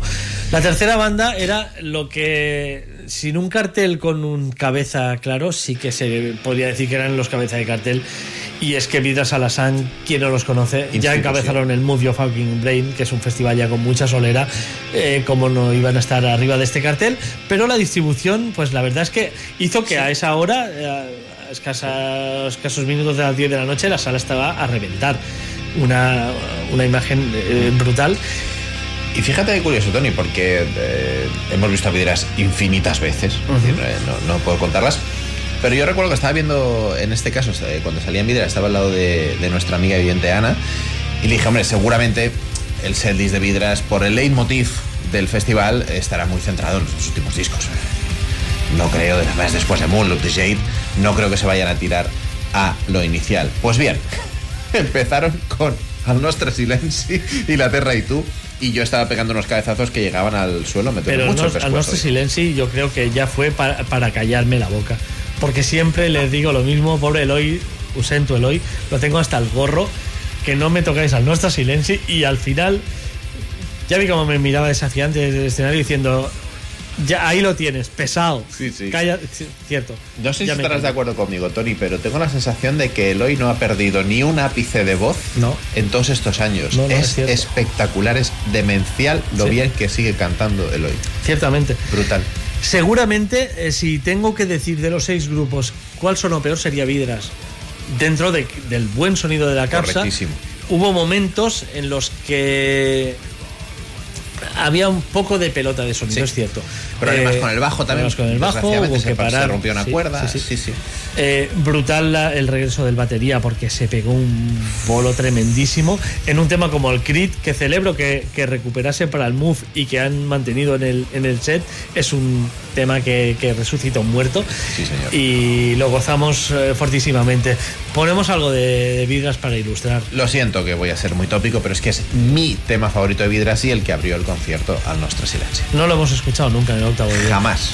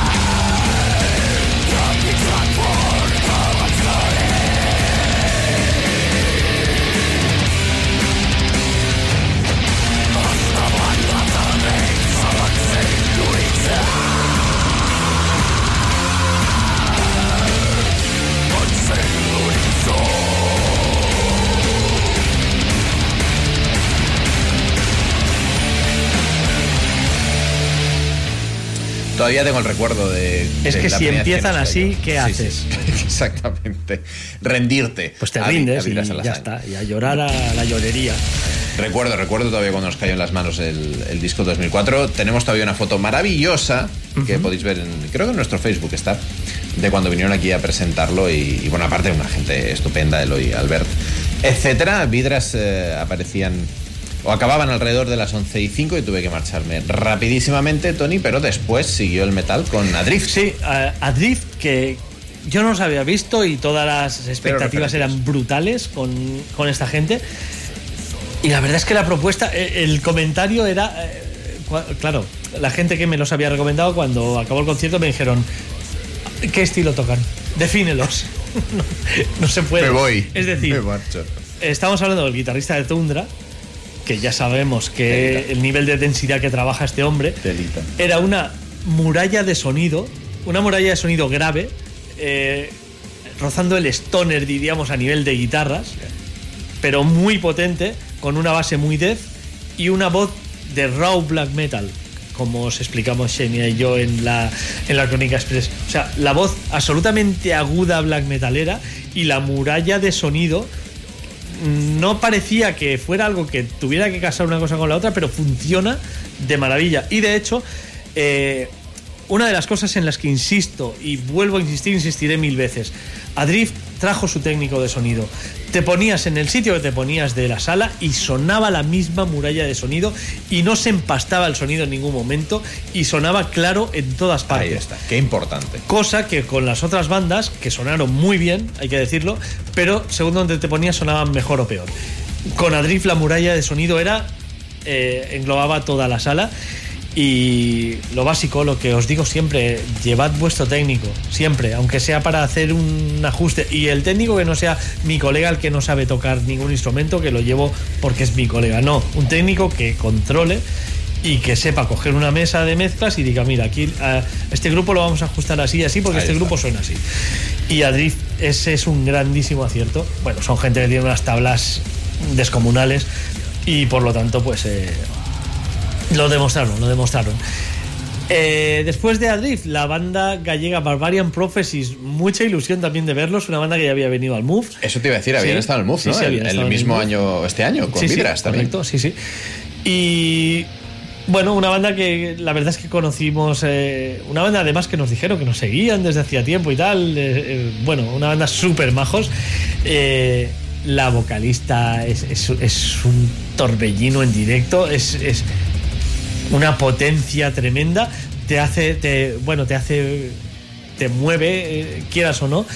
Y una banda que se le nota las tablas, se le nota los 24 años que llevan ya eh, dándole.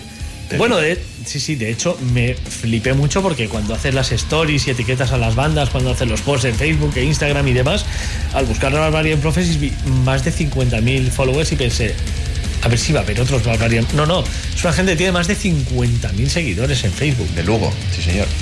Alucinante. Y bien merecido porque se lo ocurran y se lo curraron muchísimo. Hicieron un concierto tremendo, sin concesiones. Con una sala ya un poco más vacía, se notó ciertamente que las bandas que jugaban en casa, las tres primeras, y, que, que en teoría eran las que más reclamo tenían, eh, bueno, habían congregado más gente, había venido mucha gente a verlas básicamente a ellas, pero aún así la entrada todavía muy correcta para ver a, estos Barbarian Prophecies, con los cuales el tiempo ya empezaba a ir un poco descompensado, porque una de las cosas buenas de este festival es que los tempos fueron bastante, bastante ajustados, pero aquí empezó a, irse un poco de, de madre la cosa a nivel de tiempo.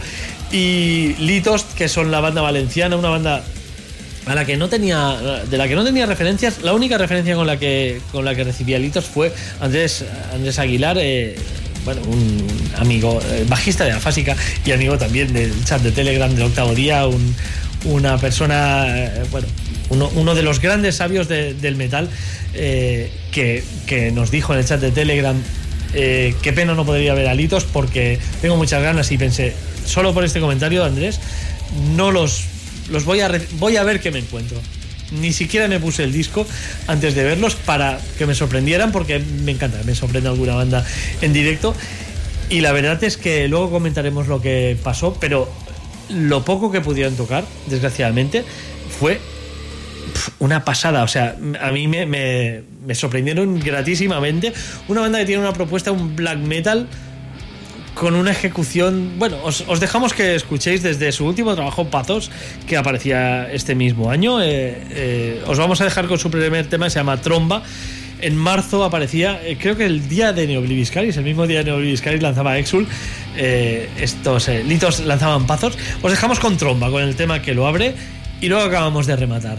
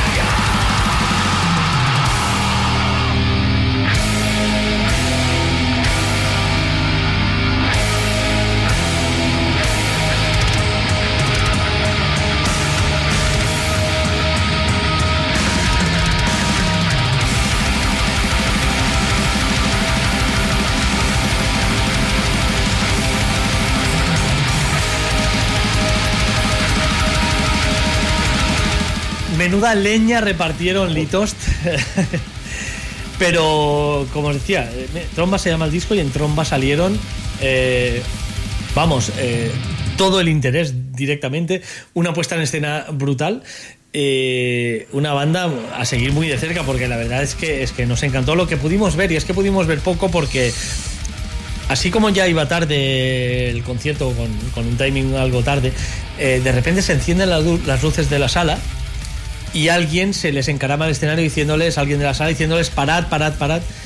Y lo primero que pensé yo, que estaba en primera fila, sin ver lo que pasaba a mis espaldas, es que cabrones que los van a cortar a los chavales que vienen de Valencia porque nos hayamos pasado 10 minutos de la hora. Exacto. Ya les vale. Que no estamos tampoco molestando a nadie y enfrente hay un evento que se oía el chumba chumba casi desde, desde el parque que hay delante de la casa. Pero no, no, no, no era nada de esto. De hecho, la gente de la CAPSA un 10, como siempre. Son gente que, trabaja y vive para la música y un 10 para ellos. El tema es que se había desplomado un señor eh, en el fondo de la sala, se desplomó un señor. Con muy mala pinta. Con muy mala pinta porque nos decían, Zaka, por ejemplo, un amigo también del grupo de Telegram, nos decía que, le había visto sangrar por el oído antes de desplomarse o cuando estaba en el suelo. Y parece al principio, que cuando se recuperó no sabía dónde estaba. Al principio no reaccionaba pero cuando nos, hicieron salir a todos afuera, eh, o sea, cerraron directamente, desalojaron la sala, llamaron a, la ambulancia. Cuando conseguimos hablar, bueno, claro, preocupándonos con este, este chico, este señor venía con, un amigo y cuando eh, parece que, recuperó el conocimiento, pues no sé si lo llegó a perder, en todo caso, eh, le decía bueno, le hacía preguntas y él parecía desubicado, no sabía dónde estaba, decía, estamos en Vidras eh, y el tipo no, no reaccionaba, no, sabía de qué le estaban hablando. Se lo llevaron a Belvich en ambulancia y bueno, parece ser que le hicieron varias pruebas, están haciéndole un TAC y demás pruebas para ver que está estable porque las salas siguen en contacto con, con este amigo. Está estable, pero están viendo a ver de dónde ha venido esto Y, sí. por lo pronto no le han encontrado, según la información que tenemos, no, le han encontrado nada de gravedad. Pero claro, hay que investigar un poquito más. Pero hay que ver de dónde viene eso porque... Pues, lo suficientemente serio. Correcto.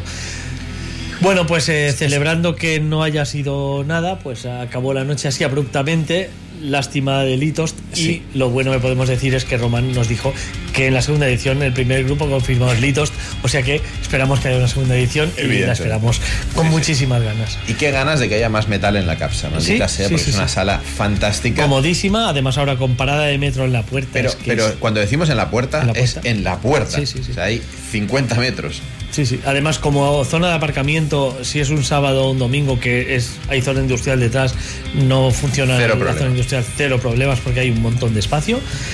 y eso que el Prat es un sitio muy difícil para aparcar, pero justo ahí que ya te encuentres a las afueras tienes bastante sitio. En fin, una sala comodísima y un festival que nos encantó y al que le hemos dedicado Así es. bastante parte de esta hora. Pero Dani, antes de irnos vamos a... Sí, desengrasamos un poquito toda esta ola de, de metal más extremo. Me voy a Suecia con un adelanto, un adelanto que he retrasado mucho hasta el punto de que el disco sale ya la semana que viene, pero bueno, os lo quería traer porque hablamos de una, podríamos decir una institución de segunda fila del eh, power metal como son Accenstar, la banda sueca que vuelven con su... Dile tercera, incluso. Lo que pasa es que al estar en Arais, en aquel tiempo de Arais, pues a nosotros nos golpeó un poco más. Podríamos decir que, podríamos decir que sí. Banda en todo caso una trayectoria eh, potente. Vuelven con Chapter 8, su octavo trabajo, octavo trabajo en 21 años. Tampoco es la banda más prolífica del mundo.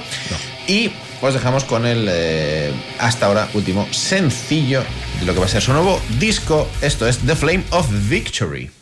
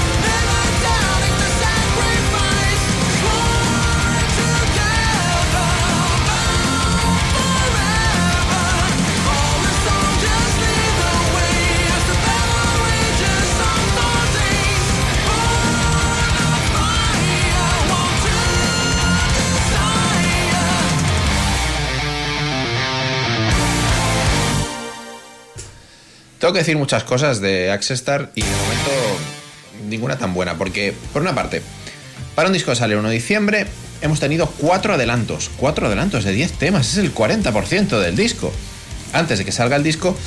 Y con este The Flame of Victory me he venido un poquito más arriba porque tengo que decir que los em, adelantos anteriores me habían dejado súper, súper frío. Así que vamos a ver, vamos no a ver. tiene mala pinta esta canción, pero eh, hemos hablado muchas veces, ¿eh? la gestión de los lanzamientos. Eh, ahí está. esos lanzamientos como el de Judas, que lanza un single muchos meses antes. O, esos grupos como Action Star que lanzan muchos singles antes. No sé si es porque realmente no creen en su producto. no, porque, bueno, supongo es la manera de de afrontar, no sé, hay otras De hacer que la gente tenga, ¿no? esté pendiente de ti y sí, hay otras bandas que dicen, sacamos disco la semana que viene, este viernes, primer adelanto, una semana antes. Hay otros que te dicen directamente, sale el disco y el... el no sé, es. es curioso, sí, sí. En todo caso va a ser el primer trabajo con eh, Pelea Kerlin a la batería, batería Morgana Le Fay, ex de Bloodbound, también entre los Murder. Veremos qué tal. Yo de momento no estoy muy metido en el disco, pero este último adelanto, bueno, me ha dado un poquito de, aire. Bueno, te da pie a darle un, mordisco al, disco completo. Indudablemente, indudablemente. A ver si. Bueno, no creo que a estas alturas salgan de esa segunda o tercera línea, pero vaya. están ahí siempre. Están ahí siempre. Están ahí, están Así que. Bueno, y sí, sí, muy, pocas bandas de aquella época, de, las que pondrían la categoría de Action Star, eh, se mantienen sí, o casi. Sí, pues, me acuerdo de Zonata, de Morifade, bandas así que, estaban en muy tercer plano. Sí, sí. Y, o, bien hubo diáspora de sus músicos que ya se integraron en otras bandas o bien directamente. Bueno, o incluso han sobrevivido, Mob Rules, por ejemplo, se me ocurre ahora, que han sobrevivido pues variando un poco su estilo y haciendo. con una carrera más o menos sólida, pero dentro de, de sus límites, ¿no? Correcto. Bueno, me voy a ir a ese pozo de, odio, haterismo y basura que es Twitter, eh, porque eh, yo uso muy poco Twitter y solamente lo uso para lo que lo usa la mayoría de la gente. Pensé que, venías a decir algo guay. No. vamos a poner una banda sí, sí, Sí, es que, es que, es que es el, ahora viene el giro. Vale, vale. Porque es un pozo de mierda. Eh, Twitter o ahora X es la red social de mierda donde vas a soltar tu basura. Por eso solo la uso para hablar de fútbol, porque solo hay auténticos simios diciendo tonterías eh, y es, el sitio ideal para hablar de deporte. Eh, pero hay pequeños oasis y hay gente con la que, con la que hablas de música también Intento usar eh, Instagram y Facebook para la música, pero bueno, en Twitter siempre te encuentras a alguien con quien te apetece hablar de música. Por ejemplo, tenemos a los amigos de Metal Catalá ahí ah, pues haciendo su hilo de, Metal en Catalá Twitter. O tenemos a, un tuitero que preguntaba el otro día acerca de. Bueno, era un tuit bastante al aire diciendo Iván de Plas que. Y yo pensando que preguntaba que qué pasaba con Band Plus, pues le dije, pues después de lo de All My Shadows y que Gunther no se fue de la banda, que tal, y me dijo, ah, no, no, Band Plus que era eh, por dónde empiezo o cómo me hago a ellos. Con lo cual me fui a Spotify, le hice una lista, le compartí una lista. Eh, de nada, porque muy agradecido por, por, el, por el redescubrimiento mío y por el descubrimiento de él. Y después de, repasar la discografía de Plus pensé, hay que traer a Band Plus. una banda que me ha hecho viajar hasta Milán casi exclusivamente por ellos, porque si no, aquí no pisan y no los habría podido ver. Ahora me dirán, sí, en Valencia estuvieron. Bueno, aquí no. En definitiva, una de mis bandas favoritas, Prog Power de altísimo nivel, una discografía inmaculada eh, desde sus primeros trabajos en los 90 hasta su último trabajo, que es bueno, buenísimo. Me quedo con el segundo, The God Think, porque el primero era más un eh, prog más eh, tirando al hard rock, no al hard rock, pero sí algo más, no sé, no, seguramente menos enraizado en lo que conocemos hoy día como prog power. Y The God Think sí que entraba de lleno en, ese, en esa categoría y el tema que lo abría es el Rainmaker. Con él prácticamente nos despediremos. Banden Plus, Rainmaker.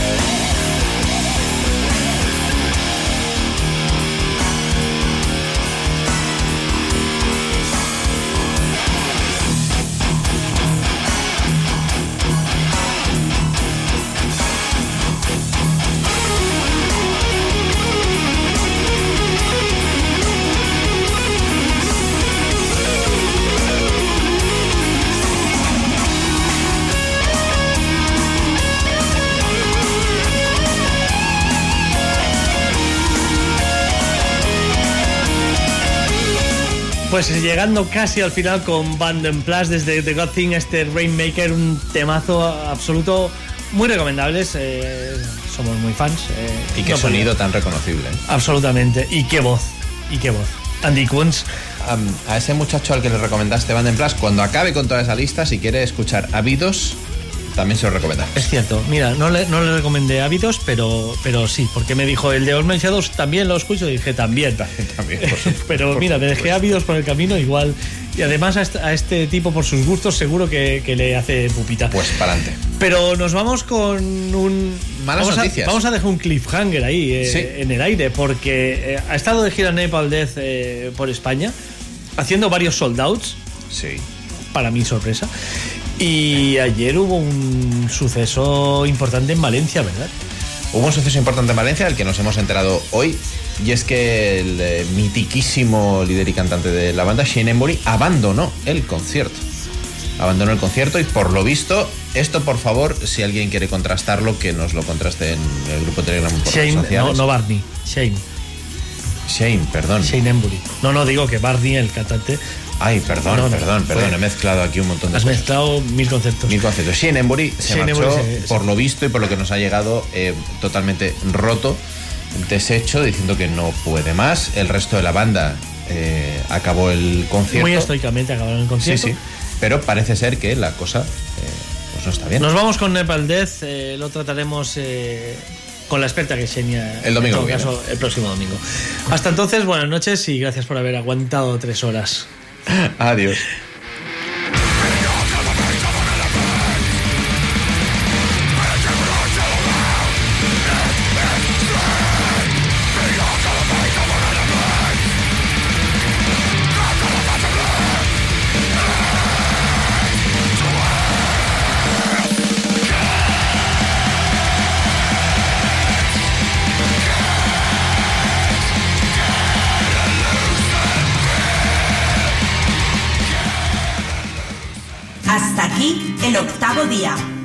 Te esperamos el próximo programa con lo mejor